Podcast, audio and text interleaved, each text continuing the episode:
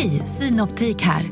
Visste du att solens UV-strålar kan vara skadliga och åldra dina ögon i förtid? Kom in till oss så hjälper vi dig att hitta rätt solglasögon som skyddar dina ögon. Välkommen till Synoptik. Ja? Hallå? Pizzeria Grandiosa? Jag vill ha en Grandiosa capriciosa och en pepperoni. Något mer? Med kaffefilter. Ja, Okej, ses samma. Grandiosa, hela Sveriges hempizza. Den med mycket på. Upptäck hyllade XPeng G9 och P7 hos Bilia. Våra produktspecialister hjälper dig att hitta rätt modell för just dig. Boka din provkörning på bilia.se xpeng redan idag. Välkommen till Bilia, din specialist på XPeng.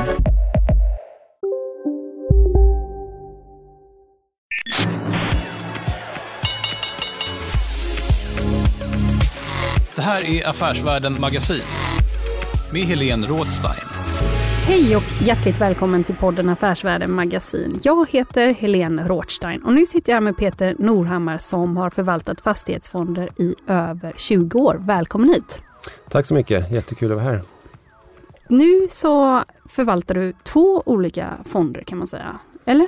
Har jag Ja, fattat det rätt? Ja, det har fattat precis rätt. Det stämmer. Vi förvaltar en fond som heter NRP Anaxo Nordic M2 via vårt förvaltningsbolag eh, NRP Anaxo Management.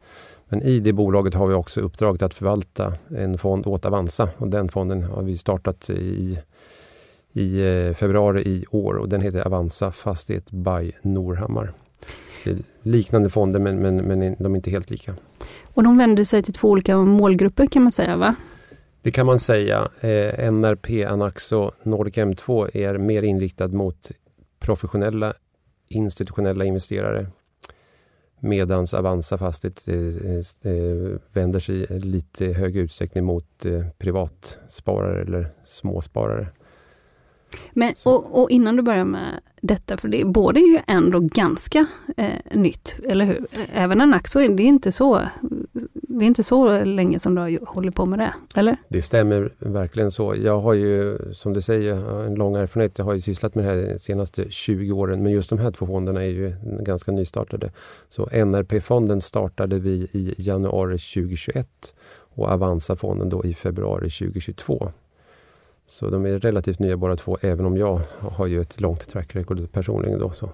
Och det är framförallt från Länsförsäkringars fastighetsfond som du var på väldigt länge innan detta. Ja, det stämmer. Ja. Jag har även varit på SEB-fonder och förvaltat fastighetsaktier och även på Alfredberg kapitalförvaltning. Hur kom du in på det från början? Ja, jag har ju utbildat mig vid KTH och har gått den här fastighetsekonomiska inriktningen så jag tycker att det är väldigt roligt eh, med fastighetsekonomi. Och jag har jobbat första åren som, eh, i min karriär då, som värderingsman med inriktning på att värdera eh, olika typer av fastigheter. Då. Men jag har också alltid haft ett stort intresse för aktiemarknaden. Så jag sökte mig ganska snabbt till, till den delen och det här är en perfekt kombination för mig då att förena mitt intresse och kunnande kring bygg och fastighet med aktiemarknads eh, tänket. Då. Så det, det, det är därför jag har hamnat här. Jag tycker det är otroligt spännande och roligt. Jag har ju också stora delar av mitt kontaktnät och mitt kompisnät kan man väl säga inom bygg och fastighetsbranschen också via mina studier på KTH. Då. Och just det, är det någon du pluggar med där som senare har blivit VD eller så, eller är inne, har någon bra position på något fastighetsbolag som du känner liksom sen du var ung? Ja men så är det absolut. Det är flera av mina kursare eller några som har gått några år innan mig på KTH eller några år efter som har gjort, eh, som är jätteduktiga och har gjort fina karriärer både på i konsultbolag inom eh, bygg och fastighetsbranschen men också inom, inom själva bolagen. Några börsnoterade men också andra har fina positioner i, i stora bolag som kanske är utanför börsen. Men, eh, så, så att eh, kontaktnätet är stort. Det är ju vad det gäller fast när man pratar med vissa fondförvaltare så säger de ofta tycker jag så här när det inte är inom fastigheter så säger de ofta jag tittar inte så mycket på makro, jag tittar på det enskilda bolaget. Det funkar inte riktigt med fastighetsbranschen, eller hur? Ja, men det är ju en, det är en bransch, eh, jag håller med om det, det är en bransch som är ganska tvärvetenskaplig. Man tvingas ju ha åsikter och inte bara om själva bolaget utan det är ju mycket juridik, teknik, ekonomi och också som du säger makroekonomi. Det handlar mycket om BNP-utveckling, sysselsättningsutveckling, räntor, inflation, eh, obligationsmarknadens eh, humör. Allt det här påverkar ju branschen för det, det, det, man pratar ju om aktivsidan och passivsidan i balansräkning. Och det, aktivsidan är ju mer att titta på vad, vad äger de för tillgångar. Är det kontorshus eller bostadshus till exempel. Men sen är det också oerhört viktigt hur de har finansierat det här. Är det eget kapital eller är det skuld och i så fall är det, är det obligationer eller är det bank? Och är räntorna höga eller låga? Är de på väg upp eller ner? Så det, det blir ju en väldigt eh, bred analys man måste göra för att komma fram till om just det här bolaget är köpvärt eller inte. Då. Om vi tar lite skuld. Jag tänkte vi skulle gå in på ett bolag som det talas om väldigt mycket. Det börjar på S och slutar på B. Kan du gissa vilket? Eh, låt mig gissa en gång SBB kanske. Ja men det är det kanske. Det, har, det är ju ett bolag som du fortsatt tror på. Och eh, för eh, Vissa har ju varit på semester och det har varit väldigt mycket snack om SBB. Elia Battlian var ute här nu på Twitter i morse. Vi spelar in onsdagen den 17 augusti och han säger att vi fortsätter bygga Sverige. Mm. Men det har ju varit en väldigt, eh, det har ju varit en småspararfavorit och den har ju också rasat och sådär. Vad är det eh, du fortsatt eh, tror på här? Jag, jag, tror att bolaget kommer ha en långsiktig tillväxt och jag tror att bolaget jobbar i en långsiktigt intressant nisch helt enkelt. Det, vi har bostadsbrist i vårt land så att äga hyresbostäder kommer alltid vara attraktivt och eh, just eh, den, den här typen och sen också inriktningen på samhällsfastigheter. Då, där finns det också ut ett, ett uppenbart behov av förskolor, skolor, polishus, äldreboenden och så vidare. Så där kommer det ju gå fortsatt växa vidare helt enkelt. Då. Det kommer alltid finnas behov av den här typen av, av fastigheter. Eh, och sen så gäller det ju bara att eh, eh, växa i lagom takt och finansiera det här på ett sätt så att bolaget kan överleva och också bolaget får förtroende på både aktiemarknaden och kapitalmarknaden. Eh, och jag tror att bolaget kommer återfå det här förtroendet. Eh, Eh, det är väl bara en fråga om när. Eh, men just nu så håller bolaget på att stärka balansräkningen då genom att sälja av tillgångar och kanske göra redovisningen en smula mer transparent så att riskpremien åker ner en del. Så att när allt det där har hänt så tror jag nog att det finns eh, långsiktig överlevnadsförmåga och tillväxtkraft kvar i det här bolaget. För om man tittar på det utifrån så affärsmodellen ser ju också lite på sätt och vis konstigt ut. Man köper så mycket man kan så snabbt man kan. Så säljer man så snabbt man kan. Det blir lite som en pyramid. Hur ska man för, förstå det som händer nu? Och, och ja, det, det, som händer är just att eh, det, det, var väl kanske inget fel i sig att köpa mycket fastigheter snabbt. Eh, det som har upplevs riskfyllt i bolaget är att kanske i och med att de har växt så snabbt så har inte alla koll på exakt vad de har köpt. Eh, och sen så har de ju köpt eh, också, eh, eller växt via joint ventures. Med, alltså samarbete med andra bolag. Och de har också växt genom att köpa in sig de, i delägande i andra bolag, både börsnoterade och andra bolag utanför börsen. Och där, allt det här har gjort att det blivit lite, eh, in, inte så transparent kanske.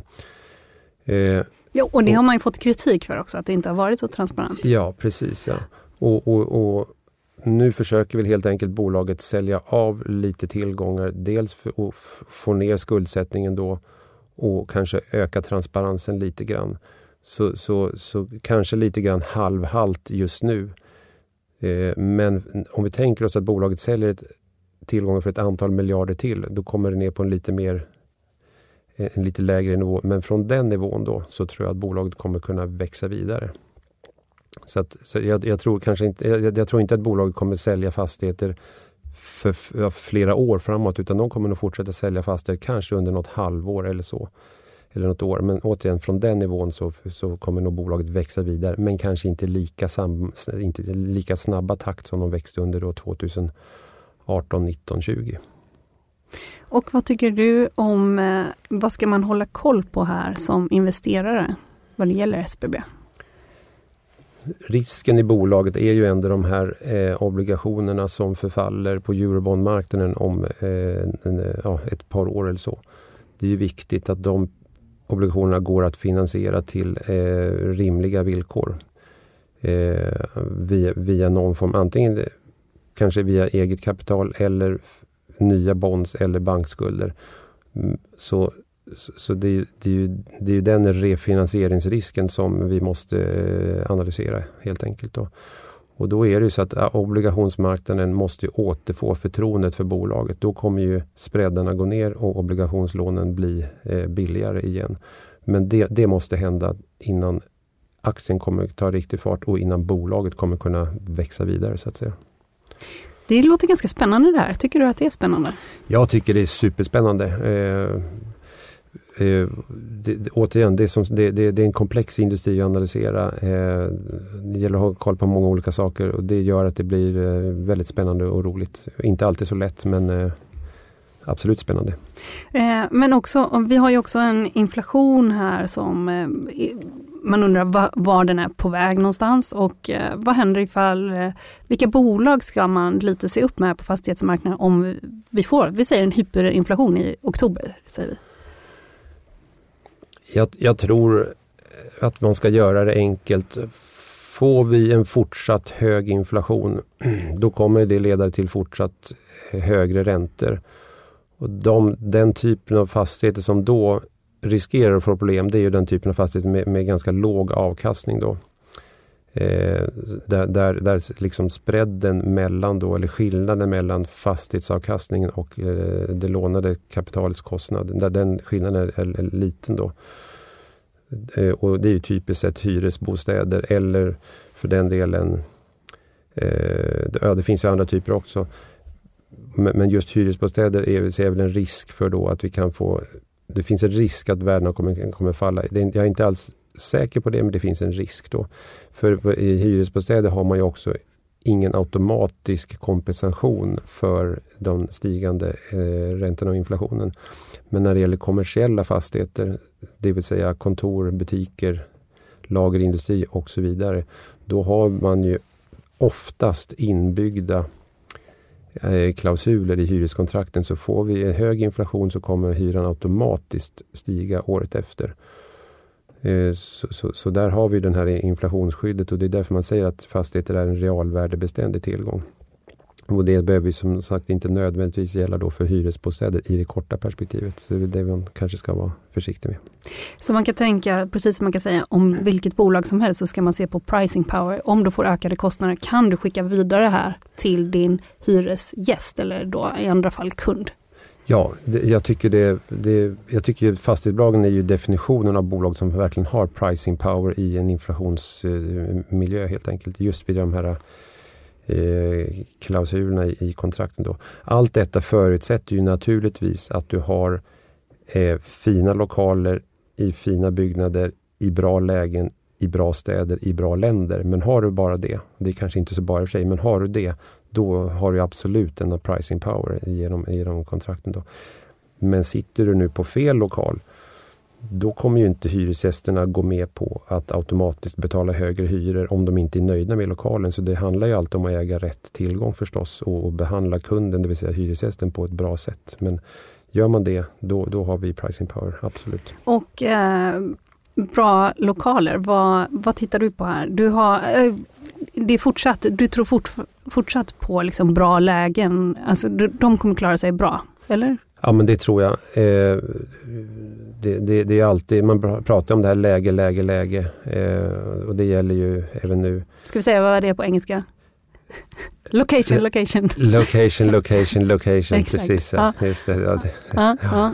Så, och det är viktigt. Det, det, alltså de, de bolag på börsen då som vi investerar i, det är ju typiskt ett bolag med, med komp, riktigt kompetenta, dedikerade ledningar med lång erfarenhet jag kan inte påstå att jag vet var varje hus ligger som de här bolagen äger. Men vad jag, jag vet är att de här människorna som leder de här bolagen, de har ju koll på mikrolägena i varje stad. Så jag litar ju helt enkelt på att de gör sin analys oavsett om man är specialiserad på Öresund, eller Norrland eller Stockholm. Eh, så jag, jag tror att just de börsnoterade bolagen är ju bäst i branschen på det här. Um, hur långt, eh, kan du nämna några bolag som du tror på här? till exempel? Du tror också på kontorsfastigheter ungefär med bra lägen eller? Jag tror absolut på kontorsfastigheter. Eh, just nu eh, har vi lite konjunkturell oro men, men eh, de senaste signalerna från bolagen är ju att efterfrågan på kontor är ju fortsatt hög. Det är fortfarande så att hyresgästerna är väl inne i den här fasen när man försöker då få tillbaka folk in till kontoren efter att de har suttit hemma under pandemiåren. Då. Så att eventuell försvagning i efterfrågan på grund av lägre konjunktur kommer senare. Vi upplever inte den just nu. Då.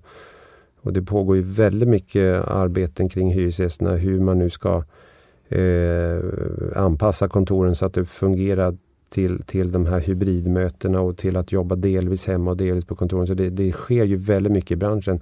Men en signal tror jag är väldigt tydlig det är att kontoret har en stark funktion för att få in, eh, för att liksom eh, få in folk och, och, bygga den här kulturen och få folk att byta erfarenheter och idégenerera tillsammans. Så jag tror absolut kontoret har sin, sin, sin plats. Kan du nämna några bolag här som du tror på att fortsätta? Eh, jag tror mycket på platser som ju, de äger ju inte bara kontor men de är väldigt duktiga på kontor i Göteborg. Jag tror på mm. Vilborgs som är ju, har mycket fokus på kontor i Öresundsregionen. Jag tror också på Diös, eh, också fokus på huvudsakligen kontor men även andra kommersiella fastigheter i, i de norrländska städerna. Eh, Fabg är också ett bra bolag, fokus på Stockholm. Eh, jag, men om, om, vi får lite sämre eh, konjunkturell utveckling så tror jag Stockholm kommer bli hårdare utsatt än de övriga städer jag nämnde där. Så att jag kanske skulle favorisera de tre första framför Fabg i det, i det här läget. Då. Ja, okej. Okay. Och till exempel då, Diös, alltså, jag var och hälsade på, det finns här i feeden man kan lyssna på Knut Rost och åkte runt lite som är vd för Diös. Om, om det blir sämre konjunktur, då tror du att de städerna klarar sig bättre? Det brukar vara så. Stockholm är ju en mer eh, konjunkturkänslig, volatil eh, stad. Så om Sveriges BNP stiger, då stiger Stockholms BNP lite mer. Men ofta blir det väl tvärtom också. Då. Medans eh, BNP och, och hyresutveckling i till exempel norrländska städer är ju, är ju inte alls lika svängig utan eh, håller emot bättre när det går sämre. Detta var nyheter för mig. Det borde jag veta eller? Vet alla detta? Det, eh, Alltså jag hade tänkt att Stockholm skulle stå emot bättre i en lågkonjunktur. Ja, men jag, tror, alltså jag försöker inte svartmåla Stockholm. Stockholm är en fantastisk stad och som, som ju växer. Eh, det är Sveriges huvudstad och, och vi, det finns otroligt mycket som gör att Stockholm är ju, är ju tillsammans med Oslo den snabbast växande staden i Europa. Så det är en enorm framgång sett över lite längre period. Men jag tänker just, just i de här lite när konjunkturen eventuellt blir sämre, då finns det risk att arbetslösheten eller eh, blir, eh, stiger lite snabbare just i Stockholm jämfört med andra städer. Så det är den kortsiktiga volatiliteten som väl ändå finns där. Men långsiktigt är Stockholm en fantastisk plats. Det, det, det, så är det Varför får vi inte se fler utköp utav fastighetsbolag från börsen? Kommer det? Är det på gång? Du jobbar ja. ju mot institutionella investerare och andra fonder. Vad säger de? Ja, jag skulle nog tro att det räknas en del bland de riktigt stora placerarna, pensionsbolagen, eh, försäkringsbolagen som vi alltid vill ha en stor exponering mot fastigheter. Rimligen ser de sin chans att köpa något bolag till rabatt nu när, när de börsnoterade bolagen eh, är så låga. Men de, de här investerarna har väl också varit osäkra på vart världen är på väg med hyperinflationen vi hade i våras hur mycket ska räntorna stiga? Vad händer med, med, med, med eh, geopolitiska riskerna? De vet väl inte mer om det än vi, så de behöver väl också lägga pusslet och göra analysen. Men det kanske de har gjort nu under våren och sommaren, så kanske de eh, återvänder nu och, och, och, kommer med några utköpsförslag under hösten. Det återstår att se, men, men det... Jag, jag, jag hittar på eh, något då. AMF skulle kunna köpa Fabege. Ja, eh, kanske. Kanske. Det, det, det, Men för, och, och sen, de håller till i centrala Stockholm. Vad har de? De har AMF Fastigheter, har inte de lagt in ett IKEA här mitt i stan till exempel? Jag tror eh, AMF är aktiva i Stockholm. Precis. Ja. ja. Och på andra, ganska i närheten så har de väl Carnegies kontor tror jag. Till ja, exempel. just det. Just det. Ja. Eh, det, vi, får, vi får fråga dem. Det, det låter väl som en Alltså idé. detta är ett påhitt. Det, Det är ett påhitt. det är inget jag har hört ens. Nej, och jag har heller inte hört det. Det är Nej. också påhitt. Men, men det är väl en, en tanke. Det, men vi kan ju byta ut eh, AMF mot en annan och vi kan också byta ut Fabege mot en annan. Så det finns ju flera, flera alternativ. Vilka är det? Alecta, SCB, Tryggliv? Vi- Vilka Ja. ungefär? Så, sådana? Till Ja. exempel och sen finns det ju stora eh, internationella amerikanska fastighetsfonder som gillar också eh, att ha fastighetsexponering mot Norden som gör är en fantastisk del i Europa. Så det finns ju oerhört mycket kapital utanför börsen som söker sig till fastigheter som rimligen ser en, ser en chans. Här då. Men sen ska det ju finnas eh, villiga säljare också. Vill ju till att man kommer överens med de som just nu äger Fabege. Till exempel om vi nu pratar om Fabege. Då. Så att eh, det är inte Ja, vilka är det egentligen?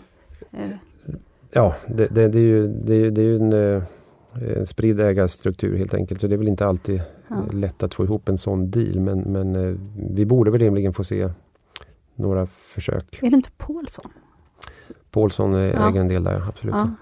Ja, eh, hoppas inte jag hittar på det. Jag, jag, jag orkar inte ens gå och googla. Nej, nej, men, nej men visst är det Paulsson? De ja, äger mycket. Ja, Ja. precis. Mm. precis. Eh, nu, nu ska vi se här. Eh, innan vi tar vidare med, med andra hyreslag, nu har vi pratat lite kontor och, och, och eh, vilka, om vilka får se med utköp. Köp. Mm. Jag tänkte vi ska prata om eh, fastighetsbranschen har ju konsoliderats ganska mycket, inte minst under fjolåret eller de senaste två åren kan man Mm. ju säga att det sker en kraftig konsolidering. Jag vill bara stanna upp vid en annan sak som du sa innan, eftersom du har också följt byggbolagen. Mm. Detta med, eh, det är inget kanske du följer så nära nu, men jag tänker på det här som du pratar om inflation. Eh, om de kan föra vidare ökade kostnader på sina kunder, för, vad ser du för risker där? Jag, jag ser en del risker eh, helt enkelt eh, när, när byggbolagen eller entreprenörerna Alltså NCC, Skanska och så vidare. Precis, precis. När de då Eh, ska bygga åt någon annan så eh, måste de ju handla upp eh, material underleverantörer. Och det finns väl en risk för att priserna för underleverantörerna och materialen går upp och att de då inte kan vältra det vidare mot, mot beställaren. Då. Och då blir, ju, då blir det ju bygg, eller byggentreprenörens marginal som kläms ihop i mitten där. Då. Det finns väl en uppenbar sån risk. Eh, och, och just därför så blir väl både beställarna och byggbolagen just nu lite tveksamma. Så det är väl, eh, vi kommer säkert få se betydligt lägre byggaktivitet och vi kommer väl få se lägre projektutvecklingsaktivitet just för att osäkerheten är så stor. Och när det kommer några kostnadssmällar så är det oklart vem som kommer få betala det. Om det är byggbolaget eller om det är beställaren. Eller om, ja så, så, så, eh, eh, eh, och, och så länge det finns den här osäkerheten så, så tror jag att aktiemarknaden kommer ha en försiktig inställning till de här, den, den här typen av bolag. Då, det vill säga entreprenörerna och projektutvecklingsbolagen. Då. Men en smart chefsjurist på NCC skriver in det i avtalet. Du tar på dig hela risken. För du tar på dig inflationsrisken. Sånt måste ju stå i avtal, eller? Jag antar att det står en hel del sånt i avtalen men jag antar också att det, det finns nog en mängd olika avtal och några avtal har säkert skrivits jättebra för bygg- entreprenadbolaget och några andra avtal har säkert slarvats lite grann med. Och några avtal skrevs väl innan vi fick en hyperinflation och några avtal har skrivits efter. Så jag, jag tror att det finns en mängd olika eh, villkor och avtal här. Och, och, och Det räcker med att några av de där eh, visar sig vara ofördelaktiga så, så kan det väl bli en och annan projektsmäll eller, eller eh, kostnadsöverskridelse och, och nedskrivning av projektvinster och så vidare. Jag ser en sån risk. Jag är inte säker på att det kommer in, inträffa men jag ser en sån risk i alla fall. Och eh, de här är också, eh, alltså projektutveckling, det är många fastighetsbolag som också sysslar med det ju. Ja. Inte minst faktiskt Fabege som vi pratade om innan som håller på, det är ju ganska nära där vi sitter, Hammarby Sjöstad. Ja. Håller de på. Ska man hålla utkik där också? Även om de projekten kan ju vara mycket mindre än de här vägarna som Skanska kanske bygger och sådär. Eller vad säger du? Jag tycker absolut vi ska hålla utkik på det. Eh, jag tycker signalen hittills är väl att de eh, projekt som, som eh, så att säga var startade och pågick innan vi gick in i, i, i inflationsmiljön. De eh, projekten verkar rulla på eh, som e, enligt plan. För där hade väl bolagen ofta då handlat upp underentreprenör, underentreprenören innan eller entreprenören innan då och med, med, med en fast kostnadsmassa. Men frågan är vad som händer med de projekt som startas nu så att säga. Det, det blir, där blir det inte lika lätt att ha en, ha en åsikt. Då. Men så att det där är absolut en sak att vi ska hålla koll på och analysera framöver.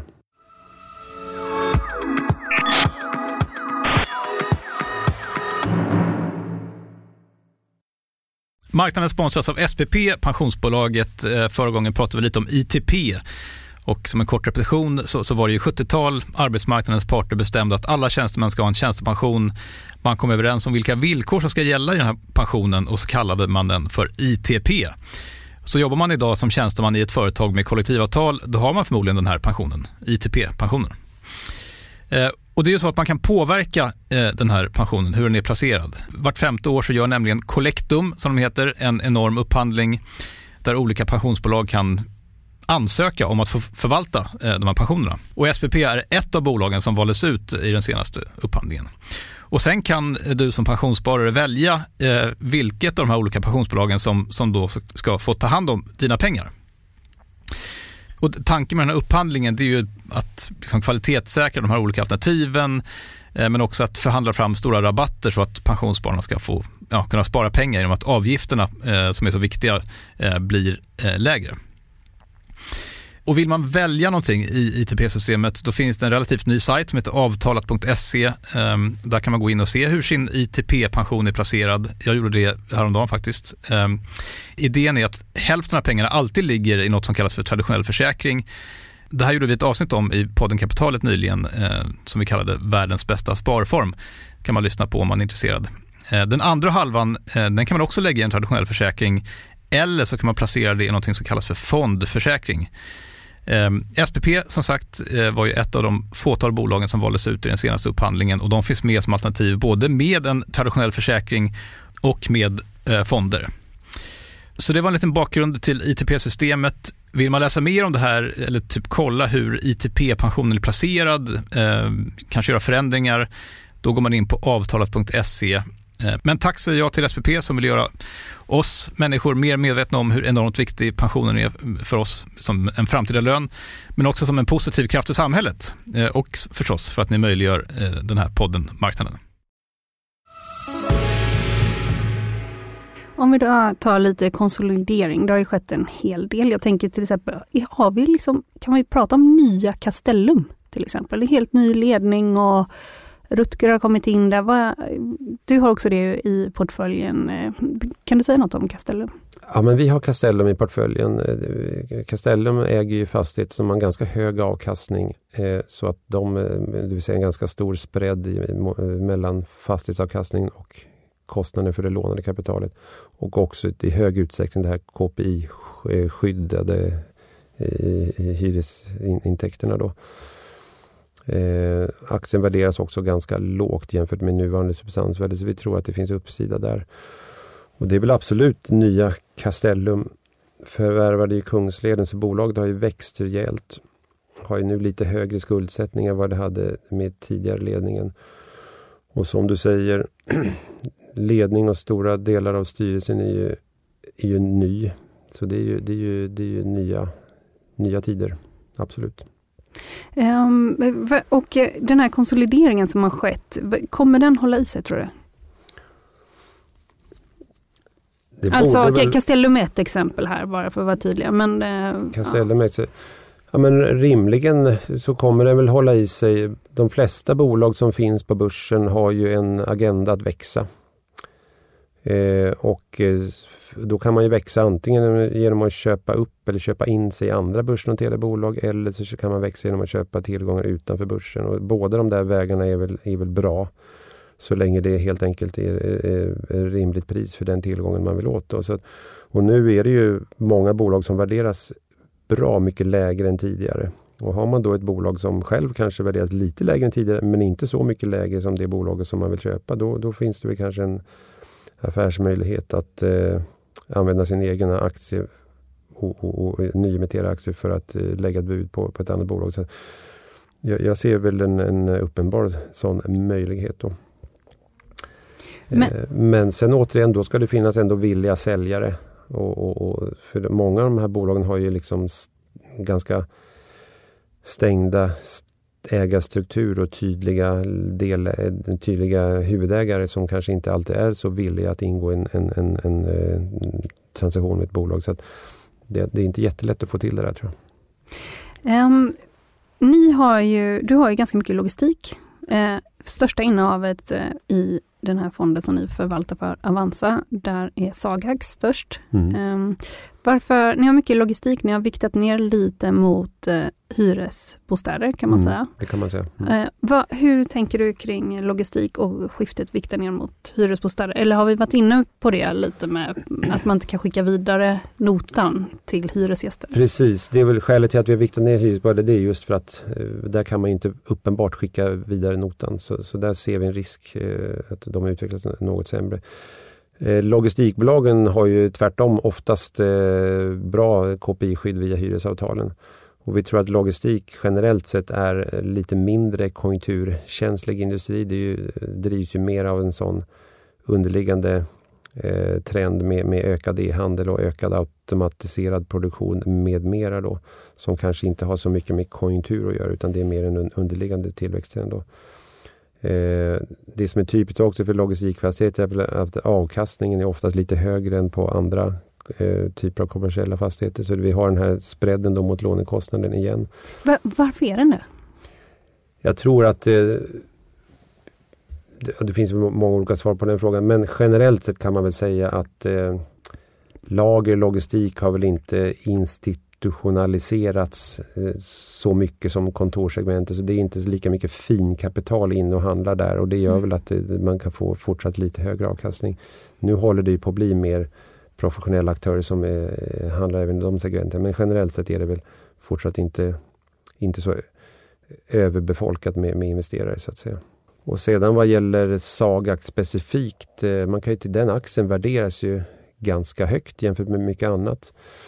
Eh, eh, men det som vi ser ju inte som att vi köper in oss i ett fastighetsbestånd. Så därför vi, eh, vi är beredda att betala en premie för ett bolag som eh, har en så tydlig tillväxtagenda som, som Sagax. Då.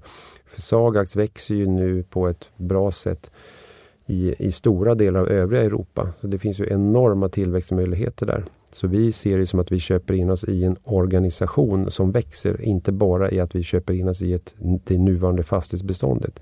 Så för mig är det inte riktigt relevant att ta reda på vad det här bolaget skulle vara värt om man säljer alla fastigheter nu. För det kommer de ju ändå inte göra. De kommer ju växa vidare. Så därför är jag beredd att betala lite högre pris för ett sådant bolag. Det där är ganska intressant då, för då blir det ju mindre statiskt om man säger, liksom om man tittar på fastigheter, om man tittar på premie, hur mycket fastigheterna är värda kontra eh, börsvärdet och så vidare. Mm. Då är det ju mer, ja men vilka är det som berättar det här? Det är så du tänker när du analyserar fastighetsbolag? Ja, det tycker jag är bra sätt att uttrycka Vilka som rattar det? Vad är det för organisation? Ja. Vad har organisationen vad gör de med pengarna också? Vad gör de med pengarna? Ja.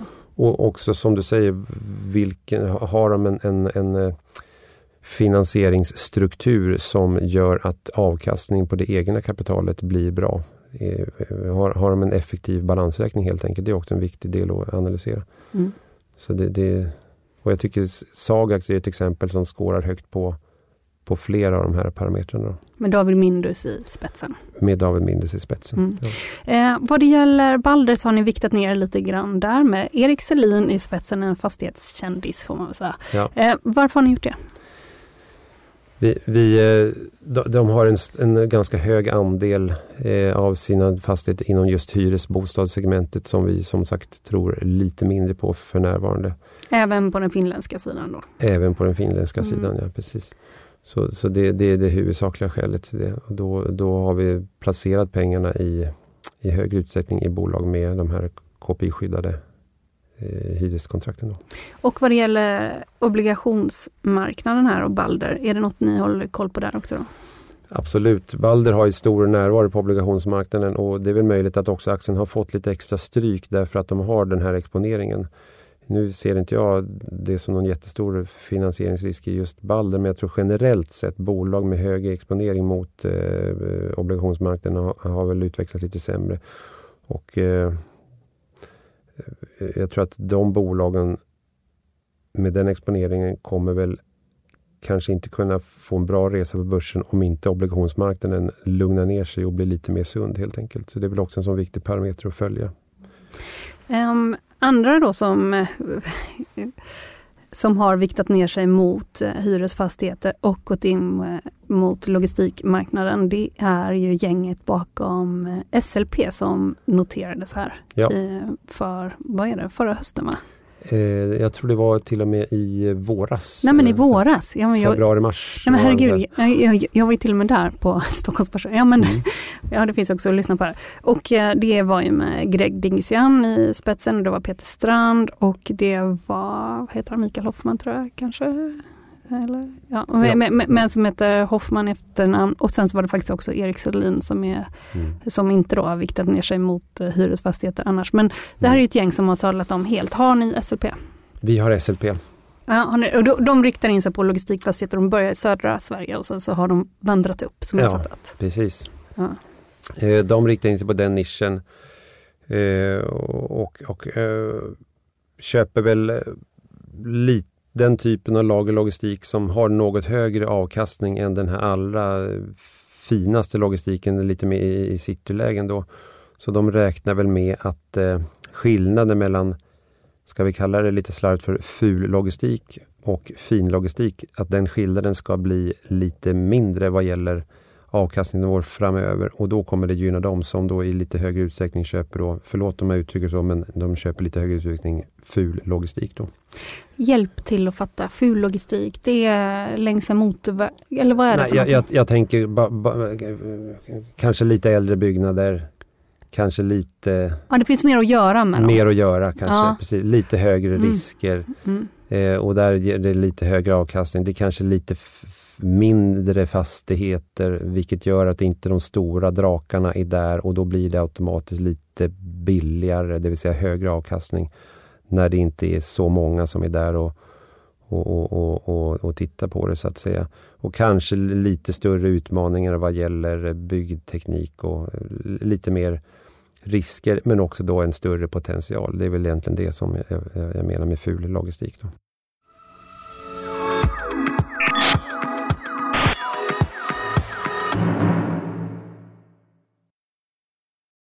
Eh, marknaden sponsras av Karla. Eh, vi pratar ju en hel del om bilar här på kontoret. Eh, Karla har ju skapat, skulle jag säga, det som är standarden för hur man idag köper och säljer bilar på nätet. Eh, kort bakgrund bara. Eh, karla säljer och leasar begagnade elbilar eh, och laddhybrider på karla.se. Alltså en helt digital upplevelse. Och man har gjort det här med ett nästan maniskt fokus på vad en bilköpare faktiskt behöver. Jag gjorde ju en intervju med en av grundarna, Patrik Illerstig, i marknaden här eh, ganska nyligen, daterad 25 mars, om man vill lyssna på den. Eh, men där berättar han hur de kom in i det här lite från vänster för att försöka uppfinna hela den här liksom bilköpupplevelsen från början. Och de har idag, vilket är rätt otroligt, 4,8 i betyg eh, på Trustpilot. Jag, jag har sett många företagssidor på Trustpilot, men det här är nog bland eh, det bästa jag någonsin sett faktiskt. Man kan sälja bilen till Karla också. Då går man in på karla.se, delar lite info om bilen, sen får man en gratis värdering och ett bud. De hämtar bilen helt gratis i hela Sverige och så har man pengarna på kontot i samma stund som de hämtar bilen. Det är grymt. Eh, så ska du köpa en ny bil eller sälja din gamla, eller båda delar för den delen, gå in på karla.se och eh, kolla. Alltså karla.se och Karla stavas med C. Tack så mycket till Karla. Ett annat bolag som gick till börsen som ni gick in i vid noteringen tror jag, det är Emils hus i Småland. Ja. Va, det känns som ett eh, sydländskt eh, diös. Är det, kan man översätta det så? Ja, men det kan man väl göra. Eh, vi tror mycket på Emils hus. Återigen jobbar i Småland. Småland är väl också en del av Sverige som jag inte tror är särskilt konjunkturkänslig utan det kommer nog stå sig rätt stabilt även om vi kommer in i lite sämre tider. Eh, bolaget köper fastigheter, eh, med kommersiella fastigheter, undviker ju hyresbostäder. Återigen med bra inflationsskydd genom, eh, genom hyreskontrakten. Bolaget får väl jobba tämligen ostört då i den här regionen vilket gör att de har stora tillväxtmöjligheter. Och sen en bra ägarbild via då eh, Sagax och David Mindus. Så en, en styrelse som jag tror eh, sporrar dem och, och eh, jagar på dem bra. Eh, så vi förväntar oss eh, att det här bolaget kommer växa sina tillgångar och växa kassaflöden per aktie. Och vi tror också att den här aktien kommer få en, få en högre värderingsmultipel på börsen i takt med att de levererar fina resultat ett antal kvartal framöver. Då. Så, så jag, jag känner du till vdn, han heter Jakob eh, Fyrberg, känner du till honom på något sätt? Jag känner till honom sedan, sedan tidigare. Jag har jobbat tillsammans med honom på Catella en gång i tiden så jag, jag känner honom. Eh, det är en duktig och eh, trevlig person. Kommer han från Småland eller har han flyttat? Eh, det tror jag inte han gör nej. Nej, okej. Okay. Men, han... men, men eh, han har bra koll på det ändå. Ja, ja, intressant för det började i Vetlanda vet jag, 2018. Ja. Mm, mm. Ja, kul. Har du varit där och hälsat på i lokalen? Eller hur jobbar du som liksom, förvaltare? Jag har faktiskt inte varit och hälsat på dem men, men i möjligaste mån så är vi ute och tittar på en del hus. Men som vi säger, vi investerar i bolag som äger ofta flera hundra hus. Det är ju omöjligt för oss att vara ute och titta på varje, varje hus. Ofta får man väl se på lite sådana här investerartripper får man väl se ett axplock av, av deras bestånd. Eh, Eh, men det, det, det, man får ju ändå ingen helhet. Så, jag menar att eh, vi måste ändå lita på att de här bolagsledningarna gör sin hemläxa och, och tar rätt mikrobeslut vad gäller investeringar och tar rätt beslut vad gäller mikrolägen och så vidare. Och vi följer upp bolagen på en lite mer översiktlig nivå. Mycket sifferanalys och mycket bolag och diskussioner med, med, med eh, ledningen och eh, eh, skiktet under ledningen så att säga. Nu sa vi innan, eller jag sa det och du höll med, att eh, det är spännande med vad som händer med SBB. Vad tycker du mer är spännande som du håller koll på nu? På bolag eller sektorn som du liksom känns som en nagelbitare? Är SBB topp där? SBB är väl det som är mest spännande, ja absolut. Ja, men annars är det ju mycket det vi berör här då. Det ska bli spännande att se hur obligationsmarknaden utvecklas just nu är det ju lite panik bland obligationsinvesterarna och när den paniken eh, avtar, det ska bli intressant att se när den gör det och, och, och varför den kommer göra det. Eh, det ska ju också bli spännande att se hur, hur Stockholms konjunktur utvecklas vad gäller sysselsättning. Hur går det med alla uppstartsbolag som, som är, drivs av fantastiska entreprenörer men som kanske inte tjänar pengar idag och som är beroende av nytt kapital. Och om de inte får det kapitalet så kanske de måste göra sig av med sina anställda och då faller ju efterfrågan på kontor och då kan det få en effekt på Stockholms kontorsmarknad. Kommer det bli så eller kommer det inte bli så? Där är det spännande att följa det där också. Och sen då som du säger utköp, konsolidering. Eh, det finns många, många saker som vi måste hålla koll på framöver. Och en annan sak då som du har varit inne på lite liksom mellan raderna här, det är kassaflödena. Var, vart är kassaflödena på väg? Ja, om vi ska titta på ett enskilt nyckeltal nu så tror jag det, det är ju eh, kassaflöde per aktie. Det är ju, nu, nu är vi ju inne i en del av finansiella cykeln där vi har höjt diskonteringsräntan, det vill säga framtida vinster är mindre värda idag än vad de var för ett år sedan. För vi diskonterar med så hög ränta, så då är det ju viktigare att se och äga tillgångar som producerar kassaflöden här och nu. Så därför så följer vi upp just det extra noga. Då. Eh, så att vi har verkligen eh, gripbara eh, faktiska kassaflöden. Då. Eh, vi vill ha höga kassaflöden och vi vill ha kassaflöden som växer. Det är ett sånt nyckeltal som jag tror kommer få högre relevans nu än vad det hade tidigare. Om jag träffar dig om ett år igen, vad tror du att vi diskuterar då? Då hoppas jag att vi diskuterar hur kunde aktiemarknaden bli så rädd för fastigheter igen under våren 2022?